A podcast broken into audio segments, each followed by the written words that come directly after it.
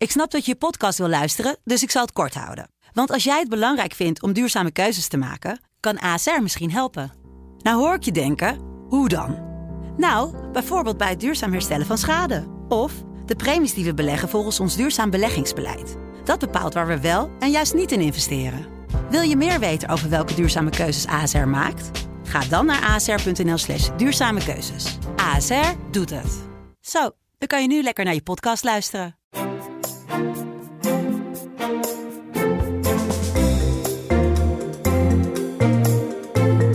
De DFT Podcast met Herman Stam en Martin Visser. Ja, mijn naam is Herman Stam, de coördinator van de DFT. Tegenover mij hier zit eh, Martin Visser, onze columnist en eh, verslaggever.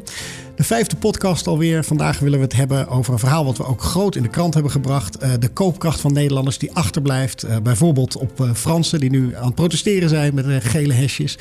we vragen ons vooral af, ook in dat verhaal, ja, hoe kan dat geld weer in de portemonnee van de Nederlandse burger terechtkomen? Nou, laten we daar eens mee beginnen. Martin, hoe moet dat? Nou ja, het zou bijvoorbeeld kunnen als we minder belasting zouden betalen. In Nederland betalen we in verhouding vrij veel uh, belasting. En, uh, dus, het, we zijn wel heel rijk als land.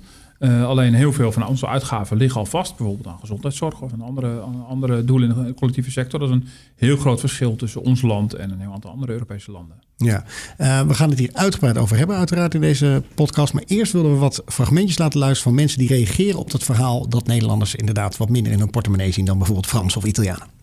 Al zeker vier jaar groeit de Nederlandse economie. Merkt u dat in de portemonnee? Nou, nee, echt niet. Van de graaiers, als ik het zo mag zeggen. de rijken worden rijker en de armen worden armer. Ja, eh, nou de multinationals natuurlijk en de banken, want die, eh, die varen er wel bij. Wat kunnen we eraan doen om dit uh, op te lossen? met z'n allen helemaal in opstand komen, net als in Parijs. Zonder geweld, zonder geweld. Dat wel. Maar we moeten eens in opstand komen. Echt wel. Uh, ja, er zijn natuurlijk veel beloftes uh, gedaan, ook door, door, met name door de VVD. Al drie uh, kabinetten lang. En elke keer belooft u wat en elke keer denk je nou het wordt beter in Nederland. Maar voor een bepaalde groep zal dat misschien wel gelden.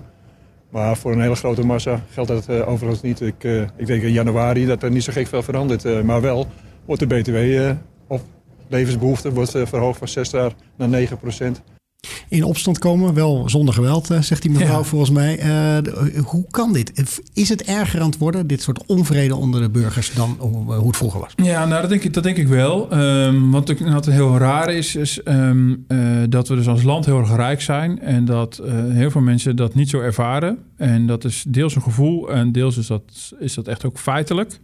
Um, uh, dat, is, dat wordt ook heel breed onderzocht. Dat is iets wat in, uh, economen natuurlijk ook uh, intrigeert. Van hoe kan dat nou toch?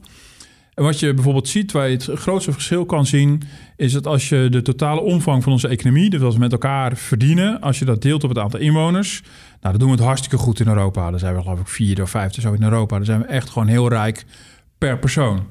Maar als je nou kijkt van wat houden we nou besteedbaar over in onze portemonnee, dan kantelt dat beeld totaal. En dan, nou ja, afhankelijk van welke onderzoek je pakt, het onderzoek wat wij nu eh, voor de krant hebben gebruikt, dan zijn we armer dan de Fransen. Maar als je een onderzoek van de Rabobank gebruikt, zijn we ook nog armer dan de Italianen. Nou, daar kunnen we ons natuurlijk helemaal niets bij voorstellen. En, en dat is wat deze mensen natuurlijk uh, merken en ervaren. Er staat ook wel tegenover dat we natuurlijk bedoel, uh, dat we heel veel geld gegeven aan gezondheidszorg. Dat we daar in principe ook een goede gezondheidszorg voor, voor terugkrijgen. Ondanks dat er ook dingen natuurlijk misgaan, ongetwijfeld. Dat is iets misschien voor een andere podcast uh, weer een keer. Maar toch uh, op een hoog niveau allemaal. Maar wat we vrij besteedbaar in onze portemonnee hebben... is in verhouding met heel veel Europese landen relatief weinig. Er gaat een heel groot deel naar de, overheden, naar de overheid en naar bedrijven. En dat begint nu echt te knellen. Je, je, noemt dan een paar van die eh, sectoren waar mensen dat ook in, in voelen. Je zegt de gezondheidszorg is, is goed voor elkaar. Maar uh, dan krijg je elke keer van die verontrustende berichten van uh, de huurprijzen gaan omhoog. Verzekering voor je auto gaan ja. omhoog. Is dat allemaal goed te toetsen dat het daadwerkelijk ook zo is? Nou ja, uh, kijk, dus deels is het natuurlijk ook gewoon een beeld van, uh, net als met de invoering van de euro, van alles werd ineens duurder. Nou, als je dat ging uitzoeken, dan bleken inderdaad sommige sectoren uh, echt de, destijds de invoering van de euro te hebben gebruikt, dan wel misbruikt. Maar het totale plaatje waarin je alles meeweegt, de huren en dergelijke, en wat je uitgeeft aan je auto. Nou, het totale plaatje levert dan inflatie op, zoals het CBS dat berekent. En dan, bleek het ook wel ietsje anders te liggen. Het is dus moeilijk om voor jezelf het hele plaatje te zien. Um, maar goed, het is natuurlijk wel, het is natuurlijk wel ja, alles wordt allemaal duurder. Dat is op zich natuurlijk ook wel waar. Behalve de televisies en de computers en, en, en, uh, en de telefoons. Die worden in de loop van de jaren natuurlijk alleen maar goedkoper. Uh, dus natuurlijk een beetje waar, waar, je wel, waar je naar kijkt. Maar als je nu inderdaad ziet dat het kabinet van plan is de BTW te verhogen, de lage BTW-tarief, dus op eerste levensbehoeften, ja, dan, gaat het tot stijgende prijzen leiden. En dat is iets wat mensen natuurlijk rechtstreeks ervaren van de normale spullen die ze kopen. En inderdaad de verzekeringen die je verplicht hebt de, de, de, de zorgpolis. Dat, dat merk je natuurlijk. En dan, ja, dan staan mensen daarbij stil. En dan, dan, dan zien ze dat, dat dat erin hakt in hun besteedbaar inkomen. Kun je misschien even vertellen, ook voor de luisteraars, eh, hoe ze dat gaan merken in die lage BTW? Wat voor een categorie je het dan over hebt? Ja, nou, dat zijn, eh, dat zijn vooral uh, nou, bijvoorbeeld dingen bij de supermarkt. dat, is, dat is niet alcohol, maar dat is dingen als brood en groente en fruit. Um, dat is de kapper, de fietsenmaker. dus, dus, dus redelijk basic dingen, basale dingen, zeg maar. En uh, dus dat ga je merken. Het gaat van 6 naar 9 procent. Het is niet zo dat je meteen uh, op 1 januari denkt van... alle machtig, wat gebeurt hier nou toch? Mm. Maar ik denk dat als je in de loop van de weken, maanden... kijkt wat je aan boodschappen uitgeeft, dan tikt dat toch door. Je ziet dat ook in, in de voorspellingen voor de, voor de prijsstijging volgend jaar. Dan, wordt het, dan gaat gewoon echt een tik uh, gaat het omhoog. Dus volgend jaar in de, is, zijn die prijsstijgingen echt wel te merken bij die hele gewone dingen. Waar, ja. waar uh, ja, die mensen echt gewoon ook heel bewust... Uh, ja, die ze niet anders kunnen doen dan daarvoor te betalen. Bedoel, je moet brood hebben en je moet groente en fruit hebben. Dus mensen ervaren het waarschijnlijk ook als onontkoombaar. Het zijn hele normale levensbehoeften.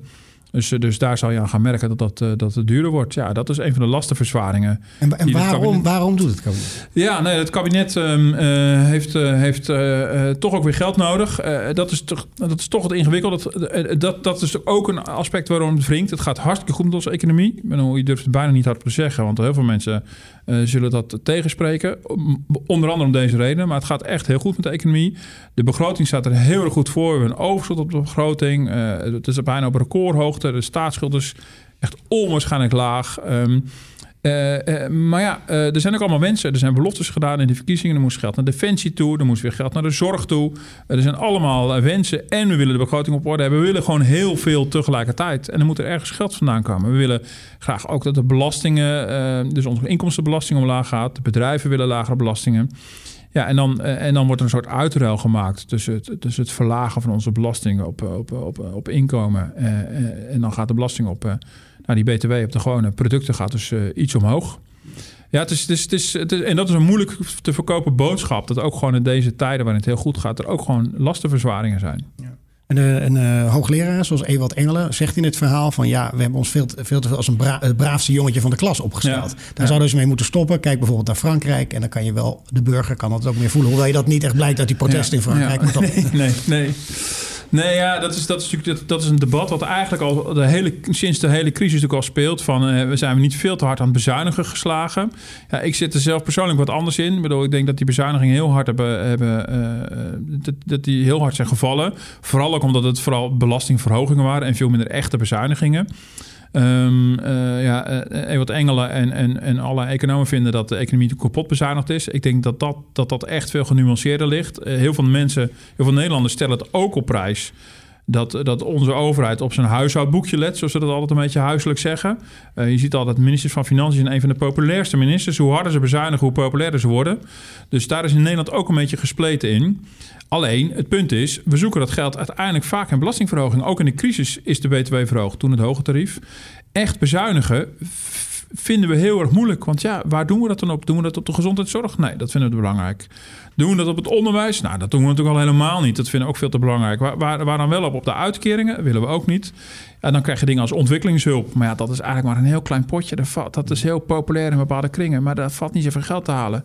Ja, en dan ga je toch meer in die belastingknop draaien. En dat doen we dus uh, ook onder dit kabinet. Zie je dat de lastendruk weer, weer toeneemt. Terwijl je eigenlijk mensen denken van ja, maar nu gaat het goed met de economie. Nu, nu, nu mogen we toch wel eens een beetje de teugels laten vieren, ook met die belastingen. En ook dan gebeurt het niet, want ja, we willen er ook heel veel voor terug. Ja. Wat vind je er zelf van, van zulk soort beleid? Dat je wel netjes op de kas let als Nederlandse overheid? Nou, dat vind ik wel goed. Ik vind dat het wel goed, maar het zou, het zou beter zijn als we niet proberen om om, uh, om de omvang van de overheid een beetje in balans te brengen. En dat betekent dus soms ook wel moeilijke keuzes maken. Uh, dat, dat, dat, dat begrijp ik ook wel. Uh, maar we kunnen natuurlijk niet alles willen. Ja, ik vind het ook rondom de gezondheidszorg ook wel een enorm yo-yo-beleid. Eerst is het natuurlijk zwaar bezuinigd op de verpleeghuizen bijvoorbeeld en op de thuiszorg. Onder het mom van decentralisatie. De, de taak werd bij, bij, de, bij de gemeente neergelegd. Maar, dat was, maar tegelijkertijd werd de geldkraan ook dichtgedraaid. Ja, en dan, dan schrikken we enorm van, eh, van wat het allemaal betekent. En dan hartstikke idee, er moeten we 2 miljard bij. En nu weten we gekkigheid niet hoe we dat geld moeten uitgeven. Want de, de verpleegkundigen zijn helemaal niet te vinden voor die 2 miljard eh, euro. Dus dat, is, dat, is, dat, dat, dat, dat beleid vliegt alle kanten op. Dat is denk ik heel slecht. Maar eh, ja, op een manier zou de overheid toch moeten proberen om die totale omvang van de eigen sector een beetje in bedwang te houden. En dat, dat vinden we toch wel heel erg moeilijk. Ja. Je noemde het al eerder, hè? politici die ook allerlei beloftes doen uh, tijdens uh, verkiezingscampagne. Nou, één beroemde is uh, die van Mark Rutte, de 1000 euro die terug zou komen bij de burger. Volgens mij ooit als primeur in onze krant. Ja. En waar mensen ja. nog steeds ontevreden over zijn dat ze dat niet hebben gekregen. We luisteren even naar een fragmentje erover. In elke relatie doe je beloftes.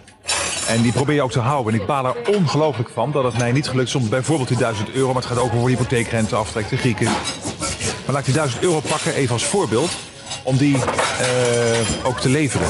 En het punt was, ik stond voor een ingewikkelde afweging. Wat zou ik die koet koet, ongeacht hoe de zaken er verder voor stonden, gedaan hebben? Terwijl de economie weer anders lag, uh, compromissen moesten worden gesloten, had ik risico's met Nederland genomen. Dus ik heb het niet gedaan. Maar daar baal ik van dat ik het niet kon leveren, dat ik het niet kon houden, die belofte. En het tweede is dat ik Nederland ook niet heb meegenomen in die afweging. Nou, ik denk dat hij er best wel eens eentje zou kunnen verbreken. Maar ik denk dat hij dat niet bewust doet om ons te pesten. Ik vind het altijd lastig. Ik vind politiek altijd een beetje dat ik denk, ja, ze zeggen zoveel en later doen ze het niet. Nou, veel lawaai op de achtergrond is opgenomen in een restaurant volgens mij destijds met premier Rutte en wat mensen die ontevreden waren over die uh, belofte. Uh, hoe leg je zoiets uit? Hoe kon hij eigenlijk zoiets zeggen? Ja, eerlijk gezegd vroeg me dat toen ook al af. Uh, volgens mij kon, kon hij toen de belofte ook al niet waarmaken. Uh, maar goed, daar hebben we natuurlijk wel uh, aan gehouden en terecht. Want hij heeft die belofte wel gedaan in de hoop stemmen te trekken. nee, dat kan dus ook niet. Ik bedoel, en hij kan zich misschien achter verschuilen van daarna... dan moet je een coalitie vormen, compromissen sluiten en, en wat niet al. Maar je ziet natuurlijk hoe lastig het is. Je kan belastingverlaging beloven... Maar ja, je hebt ook allerlei andere beloftes die je doet, die allemaal vervolgens weer heel veel geld gaan kosten. En dit is dus dit is echt heel ingewikkeld. En um, uh, op een zeker moment heeft natuurlijk het vorige kabinet wel een keer uh, de, de, de lastenverlichting van 5 miljard doorgevoerd. Um, dat was ook in aanloop naar, naar nieuwe verkiezingen. Maar goed, dat was ook weer een e eenmalig iets. Dat, dat blijft ook niet hangen. En je ziet ook dit huidige kabinet het heel moeilijk vindt om, uh, om, om de, de, de belastingen te verlagen. Omdat er gewoon ook zoveel heel veel andere wensen zijn. En, en dat is iets ja, daar, daar, daar, blijft, daar blijft de politiek toch wel een beetje in hangen. En je ziet ook, ik bedoel, dat ligt niet alleen aan Rutte en de VVD hoor. Je ziet ook heel veel politieke partijen die daar natuurlijk enorm mee worstelen. En ze willen en de boel op orde hebben en de, de, de, nou, de begroting moet, moet rond zijn. Um, maar goed, er zijn gewoon heel veel wensen en die kosten allemaal, uh, kosten allemaal geld. Ja, de conclusie van die mensen destijds was van hij doet het niet om ons te pesten, maar het gebeurt dus nog wel. Gebeurt het ook in jouw ogen te veel zo vlak voor de verkiezingen, om dat een soort snoepje neer te leggen? Ja, zeker. Dat gebeurt dat zeker. En die 5 miljard uh, die, die het vorige kabinet deed, was ook uh, in aanloop naar de verkiezingen. En nu zie je dat ook weer als je kijkt hoe het regeerakkoord nu is opgebouwd. Is voor komend jaar zit er voor de burgers een lastenverzwaring in, gek genoeg. Uh, als je echt onderaan de streep kijkt, uh, ik geloof aan 900 miljoen heeft het Centraal Planbureau uitgerekend. De, dat is in weerwil van wat het kabinet zegt dat het doet voor volgend jaar. Maar als je alles meerekent aan lopende maatregelen, alle, alle, alles wat dan in de pijplijn zat, is het de verzwaring. En je ziet dat in de loop van de kabinetsperiode, als ze er rit uit gaan zitten, dat zo langzamerhand gaat dat kantelen dan een lastenverlichting. Mm. Dat is natuurlijk echt heel bewust beleid om, uh, om je pakt eerst, nou, eerst het zuur en dan het zoet. Dat hebben we in het verleden ook vaak gehoord. En dat gaat ook heel bewust zo. Dat je in aanloop, dat je niet de moeilijke maatregelen neemt vlak voor de verkiezingen. Maar dat zou ook, dat zou ook politieke zelfmoord zijn natuurlijk. Nu uh, gaat het goed hè, met de economie, maar er komen ook altijd weer slechtere tijden ja. aan. Wordt het dan nog eigenlijk erger voor de Nederlandse burger? Nou, dat is wel een risico. Dat is wel echt een enorm risico. Kijk, de, de begroting is positief. We, er komt dus nu meer geld binnen dan we uitgeven. Dat gebeurt niet zo heel erg vaak. Um, uh, dat, is in, in, uh, dat is wel een verschil met je eigen huishoudboekje. Bedoel, daar kan je het je niet permitteren om jaar na jaar een tekort te hebben. Maar de overheid uh, houdt dat toch heel behoorlijk lang vol. Dus het is vrij uniek dat we een, echt een overschot hebben op de begroting. Gerrit Salmers in het, in het verleden wel eens gelukt. En, uh, maar ja, je ziet natuurlijk wel heel veel ontwikkelingen in de economie, vooral in, in het buitenland, die er toch op wijzen dat er misschien wel een, echt een afkoeling komt van de, van de economie. En dan wordt het dan wat minder. En wat de overheid dan direct merkt, is dat er minder belasting binnenkomt. Dan komt er minder winstbelasting binnen van de bedrijven. Uh, dan, dan, misschien dat de werkloosheid een beetje stijgt. Dan, dan, dan komt er ook minder binnen aan inkomstenbelasting. En, en, dan slaat zo'n zo'n zo positief saldo heel snel om in, in het tekort. En, eh, ja, en mensen zullen, dan, eh, zullen dat dan ook wel, eh, wel, wel gaan merken als het echt aanzienlijk slechter zou gaan. En die, dat weten we nog helemaal niet. Maar die, die, die dreiging hangt wel boven de markt. Ja. Ja.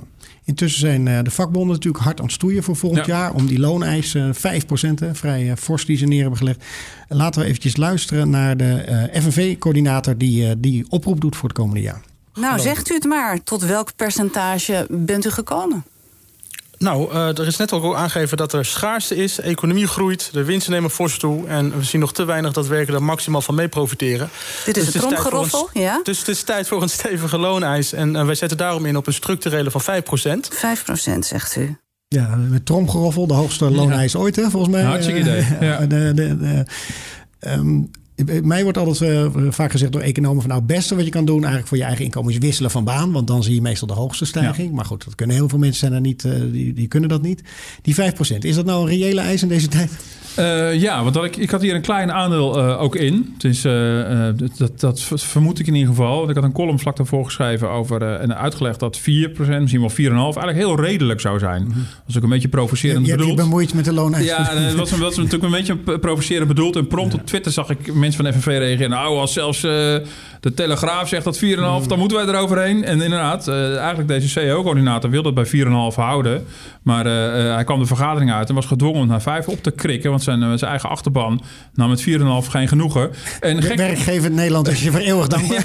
nou ja, ze moeten maar zien of ze het voor elkaar krijgen. Dat wordt natuurlijk nu het kwetsbare voor, voor de vakbond. Maar ja, ik, ik noemde net al even dat de prijzen volgend jaar gaan stijgen. En dat is gewoon echt een reëel issue. Ehm, eh, de, die, die, die, die BTW gaat natuurlijk omhoog. Ehm, eh, en over, dat betekent dus gewoon over, over een heel jaar bezien... eh, dat we gewoon echt meer geld kwijt zijn aan onze boodschappen. eh, om het maar een beetje, huiselijk te zeggen. En, ehm, eh, en het minste wat, wat werkend Nederland natuurlijk wil... is dat de prijsstijging verdisconteerd wordt in de lonen. Dus dat is alleen al een reden om volgend jaar hogere lonen te eisen. De afgelopen jaren was, het, was de eis 3,5% Is het nergens gehaald. Eh, Her en der 3, maar 3,5 hebben ze nergens gehaald. Maar om, om een beetje bij te benen bij de, bij de groei van de economie... is dit geen gekke looneis. Hij, hij zal in de praktijk niet haalbaar blijken te zijn... Maar ik vind het wel begrijpelijk dat ze dit, dat ze dit nu doen. En ik vraag me soms wel af of, of, werkgevers en ook politiek zich voldoende realiseert dat dit ook een logische ge- gevolg is van het feit dat we gewoon die belasting aan het verhogen zijn volgend jaar. Dus dat moet ergens vandaan komen. En in alle ramingen, opnieuw van het planbureau, gaat men er ook van uit, niet van die 5%, maar wel van een flink stijgen, eh, flinke stijging van de lonen. Want anders gaan we dat prachtige koopkrachtplaatje van Rutte gewoon domweg niet halen. Want het koopkrachtplaatje gaat niet van het kabinet komen, maar van de bedrijven. En dat kan alleen maar op deze manier. Veel bedrijven die zien eh, flinke winsten de afgelopen jaren. Waar, waar gaat dat geld dan naartoe? Ja, nou heel veel wordt opgepot. Ehm, natuurlijk ook wel geïnvesteerd. Kijk, in principe houden be- bedrijven houden natuurlijk geld eh, eh, eh, aan als ze winst te maken. Uh, idealiter om te investeren. Dus dat ze weer vernieuwen. Dat ze weer innoveren, nieuwe dingen gaan proberen. Zodat de bedrijvigheid alleen maar groter wordt. De economie weer harder groeit. Dat is het positieve verhaal. Maar wat je, wat je veel ziet is dat heel veel geld bij grote bedrijven op de plank blijft liggen. Of er worden eigen aandelen weer ingekocht. Dan gaat het dus naar de aandeelhouders. Het wordt uitgekeerd als dividend naar de aandeelhouders. En dat is een beeld dat steeds meer door begint te dringen. Ja, eh, eerst vooral bij een paar economen en nu gewoon veel breder. Dat, dat de verdeling tussen, tussen wat er bij de bedrijven terechtkomt en de aandeelhouders aan de ene kant. en wat er bij de werkend Nederland terechtkomt. dat dat steeds schever aan het groeien is. Ja, dat is een vrij oud verhaal over de verdeling tussen, tussen kapitaal en arbeid. Het klinkt heel marxistisch, maar dat is op dit moment echt, echt een, een hot topic waar, waar economen zich ook heel erg druk om maken. Want er is echt iets gaande, niet alleen in Nederland, maar in heel, eh, het hele Westen, zeg maar. Ehm, zie, zie je dat over de volle breedte. En elk land heeft zijn eigen specifieke eh, dingen. Maar in Nederland speelt dat dus ook. Er gaat een groter aandeel eh, naar de bedrijven. En, ja, en het lijkt mij niet meer dan logisch dat werkend Nederland zijn deel gewoon opeist. En dat zie je dus nu gebeuren. En nu maar zien of dat lukt. En denk je dat de regeringen zijn geschrokken van die protesten die dan hierover komen? Nou ja, in Frankrijk natuurlijk wel. Ik bedoel, want dat is ook nogal gewelddadig. Ehm, eh, in Nederland is men nog niet zo heel erg van de indruk. Het is allemaal nogal eh, klein. Eh, nou, premier Rutte zei gisteren na de ministerraad... nou, we zijn in feite allemaal een geel hesje. Ik weet niet wat hij daarmee bedoelde. Je hesje. misschien. Maar ehm, eh, in, in de zin van, ja, we voelen allemaal wat onbehagen. En eh, ja, ik denk dat die, die gele hesjes die staan wel voor een soort maatschappelijk onbehagen... waar heel veel onder valt. Dat maakt het ook wel een beetje ongeleid. Uh, maar ik begrijp het wel. Er komt ook wel heel veel tegelijkertijd samen. En het ene, ene gele hesje vindt dit en de andere vindt dat. Maar deze aspecten over het achterblijvende loonontwikkeling, achterblijvende koopkrachtontwikkeling bij een, een hardgroeiende economie is in ieder geval een factor. En dat is iets wat, nou, wat Ewald Engelen aandraagt en wat in Nederland echt gewoon echt actueel is. Kijk, we hebben het niet slecht gemiddeld genomen in Nederland. We zijn een rijk en welvarend land. Um, uh, dus het is ook weer relatief. Maar je ziet wel dat er, dat er iets gaande is. En dat er een scheefgroei is. En dat gaat heel langzamerhand, stapje voor stapje. En dat, dat, dat voedt voortdurend dat onbehagen. Ja, en prachtige politieke beloftes die niet waar worden gemaakt... maken het alleen nog maar erger natuurlijk. Ja.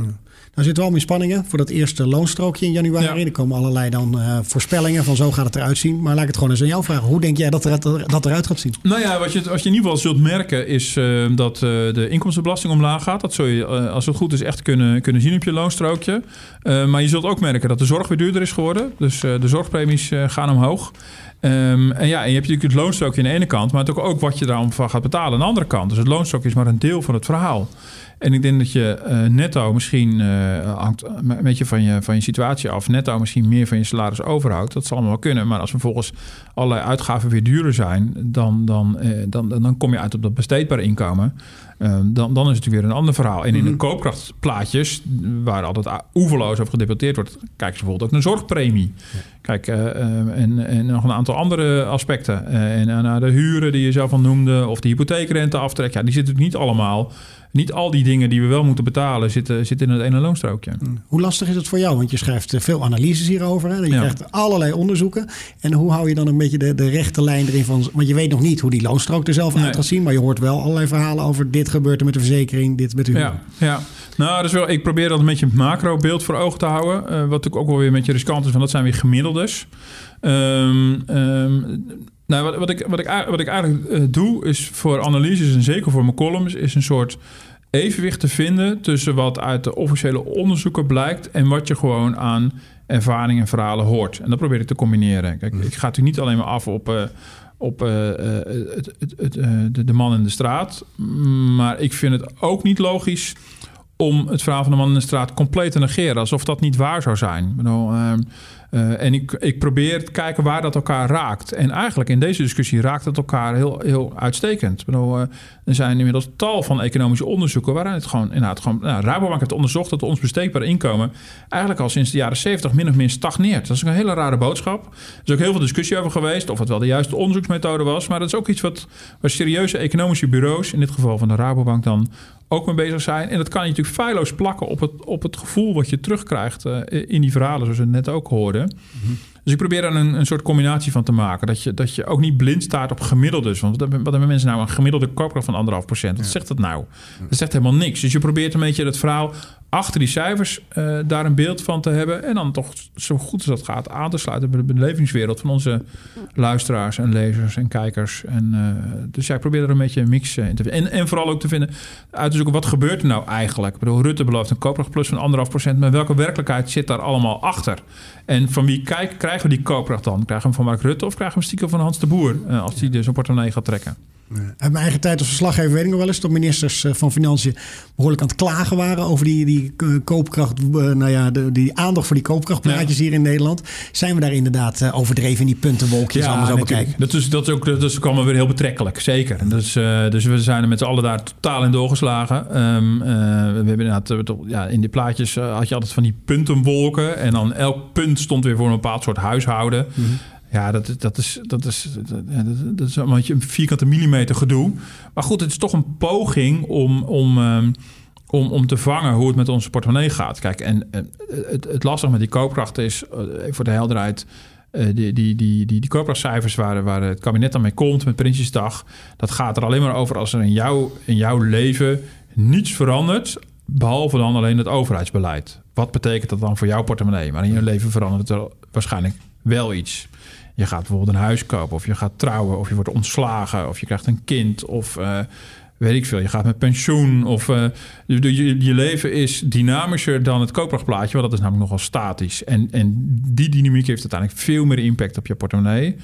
Maar goed, als je alles eruit haalt, van nou oké, even mijn eigen dynamiek ben ik zelf verantwoordelijk voor. Maar wat doet de overheid nou? En dan krijg je die statische plaatjes. En die zeggen iets, maar lang niet alles natuurlijk. Ja. Uh, minister Koolmezen van Sociale Zaken, die probeert uh, die arbeidsmarkt ook dynamischer te maken. Uh, wil eerst, ik wil je eerst eventjes laten luisteren naar een fragmentje van hem. Ja, de, de, kritiek die werd, de kritiek was heel dubbel. werkgevers zeiden eigenlijk, minister, u doet te weinig voor het vaste contract en te veel voor het flexcontract. En de vakbonden zeiden precies het omgekeerde. U doet te weinig voor het flexcontract en te veel voor het vaste contract. En ik heb een, met het wetsvoorstel, als heeft het kabinet geprobeerd een balans te vinden tussen die twee om ook een knoop door te hakken na een hele lange discussie in de polder over deze onderwerpen. Uh, en met, deze wet, met het wetsvoorstel echt een, een, keuze te maken voor de toekomst. Ja, die Nederlandse arbeidsmarkt. Hè. Laatst had je ook een verhaal van het CPB dat we ja. eigenlijk niet productief genoeg zijn of productiever kunnen zijn. Ja. waar zouden we dat uit moeten halen? Nou ja, um, dat is vooral um, slimmer werken. We kregen toen van het Centraal Planbureau mee. Um, wel het populair vertaald als harder werken. Maar er kwam heel veel, heel veel het doen over mensen ik heb al een burn-out, moet ik nog, nog harder werken? Uh, maar dat is natuurlijk een beetje, uh, beetje populair vertaald. Maar het, het gaat natuurlijk om dat op een manier... als, als Nederlanders met elkaar per gewerkt uur meer weten te produceren. Want zo creëren we welvaart. Ja. En dus meer salaris uiteindelijk ook. En, en ja, dan, dan, dan is natuurlijk de hoop, en dat is de vraag... Ja. dat je dan de, voor die productiviteit die je, die je levert... ook meer salaris krijgt. En wat je ziet in Nederland en heel veel andere landen om ons heen... is dat de, ja, hoe productief we zijn... dat, dat begint een beetje aan zijn einde te raken, de groei daarvan. En dat is wel echt een economisch raadsel uh, uh, inmiddels. Want ja, het is al een paar decennia dat we nu met computers uh, werken. het is iets korter dat we met internet aan het werken dat zijn twee hele grote veranderingen die onze economie natuurlijk veel productiever had moeten maken. Maar op een of andere manier zien we dat niet in de cijfers terug. Dus het lijkt wel of er een soort einde zit aan de groei van, van onze productiviteit. En, en ja, hoe meer we produceren met elkaar en dus weten te verkopen en, en uh, hoe, hoe welvarender we worden. En dat moeten dan vervolgens in ons loonzakje terug weten te vinden. En Centraal Planbureau wees daar specifiek op. Van, ja, als onze economie wat productiever is, nou, misschien moeten we meer innoveren. Bedrijven moeten misschien meer innoveren. Uh, dat zou misschien vanuit het kabinet ook wel gestimuleerd kunnen worden. Minder oeverloos geouwehoeren in polders en weet ik veel. Uh, en allerlei akkoorden sluiten. Maar gewoon uh, de, de, innovatiekracht stimuleren, dynamiek in het bedrijfsleven. Dus dat zou natuurlijk, dat zou natuurlijk heel erg kunnen helpen. Meer investeren in scholing. dat kunnen bedrijven doen, kunnen over, kan de overheid doen. Uh, dat is waar het Centraal Planbureau heel erg op wijst. Maar volgens mij is dat maar een deel van het verhaal, uh, eerlijk gezegd, in de hele debat. Is het ook niet een gevaarlijke tendens als je bijvoorbeeld meer uh, robotisering zou krijgen, dat je eigenlijk nog minder werknemers nodig hebt? Ja, nee, zeker. Dat is, dat is nog een ander aspect. Kijk, en um, die valt veel meer over te vertellen, maar als we het even blijven relateren, inderdaad, ook gaan aan, aan, de, aan de loondiscussie. Uh, zie je dus dat de, de lonen onder druk staan. Onder andere ook de robotisering. Centraal Planbureau zegt, daar, daar vinden wij geen bewijs voor. Er zijn tal van economen die zich daar wel heel erg druk om maken. Die zeggen, ja, uh, doordat er veel meer geautomatiseerd wordt... we hebben steeds minder mensen nodig. Dus eigenlijk als, als werknemer concurreer je met een robot. Nou ja, simpel gezegd. Um, en dat betekent dat dat zet de loon onder druk. Nou, we hebben het net over flexibiliteit op de arbeidsmarkt. Net, net zo één. Bedoel, met je vaste baan concurreer je met een flexwerker of met een ZZP'er. Uh, dat zet ook je loon onder druk. Dat zijn zo aspecten van grote trends in de economie. Globalisering is er nog een. Dan concurreer je met een goedkope Chinees. Um, uh, dat zijn allemaal uh, nou, grote bewegingen in, in de economie. Niet alleen in Nederland en heel veel andere landen om ons heen. Die, die ervoor zorgen dat de positie van, van de werknemer natuurlijk steeds minder stevig is. En uh, dat we worden weggeconcureerd. Dan wel door een robot, dan wel door buitenlandse arbeid, dan wel door de flexwerker. Mm. En dat drukt ook heel erg de loonontwikkeling. En um, nou ja, dat is, dat is denk ik wel zorgelijk. Misschien bedrijven die, die, die, die varen daar wel bij. Die kunnen kiezen van nou, ga ik een goedkope ZZP'er inzetten? Of uh, ga ik de boel automatiseren? Kan ik ook mensen eruit gooien? Dan ga ik de productie verplaatsen. Dat gebeurt ook al heel lang mm. naar, naar, naar, naar Azië. Um, dus die kunnen echt wel kiezen voor de goedkoopste methode. En, en de werknemer blijft dan een beetje achter. En die ziet gewoon dat zijn positie verzwakt. Ja. Dinsdag uh, in Londen ook een belangrijke ontwikkeling op het economische vlak. Uh, de, de, de Brexit-beslissing. Misschien ja. wordt die nog uitgesteld, maar dat weten we op dit moment eigenlijk nog niet. Uh, daar zullen we dan ongetwijfeld ook in een podcast, denk ik, snel op terugkomen. Ja. Daar is ook van alles over te zeggen. Maar voor nu wil ik je graag bedanken. Graag gedaan.